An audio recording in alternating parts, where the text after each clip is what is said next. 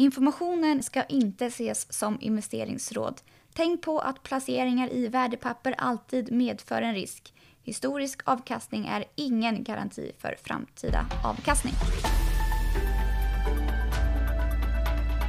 God morgon från Paretodesken den 10 september. Börserna vände upp igår. S&P stängde på 2% plus, Dow Jones på plus 1,6% och Nasdaq 2,7% I Asien så handlas börserna också upp nu under morgonen och här i Sverige så väntas Stockholmsbörsen också öppna på svagt plus. Idag ska vi prata Green Landscaping med analytiker Fredrik Moregård. Men först, Husqvarna släppte precis en trading update. Fredrik, vad är din kommentar?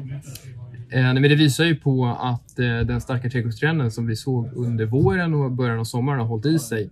Eh, de säger att de eh, har sett tillväxt på 21 procent över juli och eh, augusti. Eh, men samtidigt har aktierna handlat ganska starkt. Jag tror inte att det är någon jätteförvåning i marknaden över att de har haft en stark marknad. Men frågan är hur mycket det påverkar hur vi tänker om nästa års vinst och försäljning. Och jag tror att vi kommer få se en viss positiv effekt idag på, på aktien, men mm. inte några stora uppsteg. De återinför utdelningen. Är det mm. någonting som kommer få investerarna att jubla? Man köper ju sannolikt inte Husqvarna för utdelning på så sätt, eh, men, men absolut liksom ett eh, plus i kanten att man, man kan återinföra den. Mm, men inte jättepositiv ändå över den här kommentaren. Eh, det var 21 procent. Ja, men jag tror att, det, jag tror att liksom det starka momentumet ändå har legat i förväntningarna. Aktien har handlat upp och över de flesta och inklusive min, eh, min riktkurs helt enkelt. Så jag, jag, tror att vi kommer få se en viss effekt men inte några superstora uppställ. Nej, och Green Landscaping då mm. som vi pratade på morgonmötet som du fortsatte positiv till. Precis.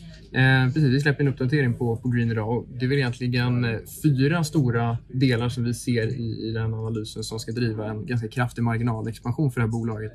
Eh, förra året och 2019 så hade de en ebitda-marginal på 4,5 procent. Eh, där hade man vissa negativa effekter från ett väldigt stort förvärv man gjorde som dels hade en lägre marginal, påverkade mixen, man hade en, en väldigt mild vinter som drog ner vinsten. Eh, vi tror att då synergier från det här stora förvärvet som, som man fortsätter göra åtgärder på för att integrera och få upp lönsamheten. Eh, en mer normal vinter förhoppningsvis det här året Eh, vi tror på att man har en, en, positiv mixeffekt från lönsamma förvärv man har fått in här under första halvåret och sen övriga operationella förbättringar som man fortsätter att jobba med kontinuerligt. Eh, vi tror att det kommer ge en väldigt tydlig effekt och vi räknar med att man eh, förbättrar sin marginal upp, hela vägen upp mot 7,3 procents eh, ebita 2022. Eh, en ganska liksom, stadig väg dit från de här 4,5 vi såg förra året. Mm. Hur mycket mer kan man förvärva i Sverige?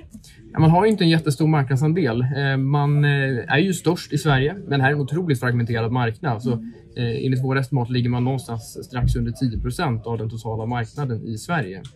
Man har också börjat ge sig in i Norge, men där är man en ännu mindre spelare.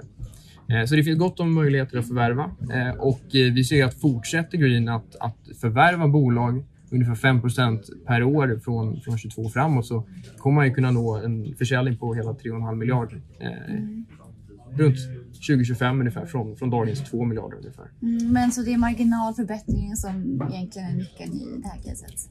Över de kommande två åren så är det det som kommer få störst effekt. Men sen har du alltid den liksom positiva möjliga effekten från ytterligare förvärv. Och vi förväntar oss att man kommer fortsätta göra förvärv, men det är inget vi har inkluderat i våra estimat som vi publicerar. Snödelen, är det mm. oroväckande att vi får allt eh, mildare vintrar? Mm.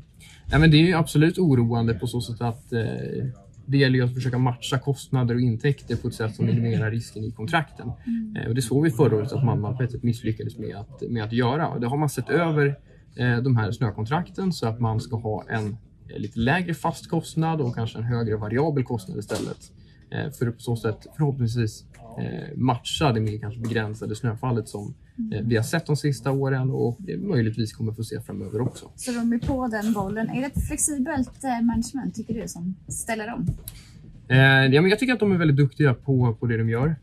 de jobbar väldigt framförallt mycket med att ställa krav på sina dotterbolagschefer mm. och på sina regionschefer och fördela ansvar ut i organisationen. De är väldigt decentraliserade på så sätt så affären sköts väldigt mycket lokalt. Mm. Tack så mycket. Tack. Tack så mycket. Vi är tillbaka imorgon och då är det fredag.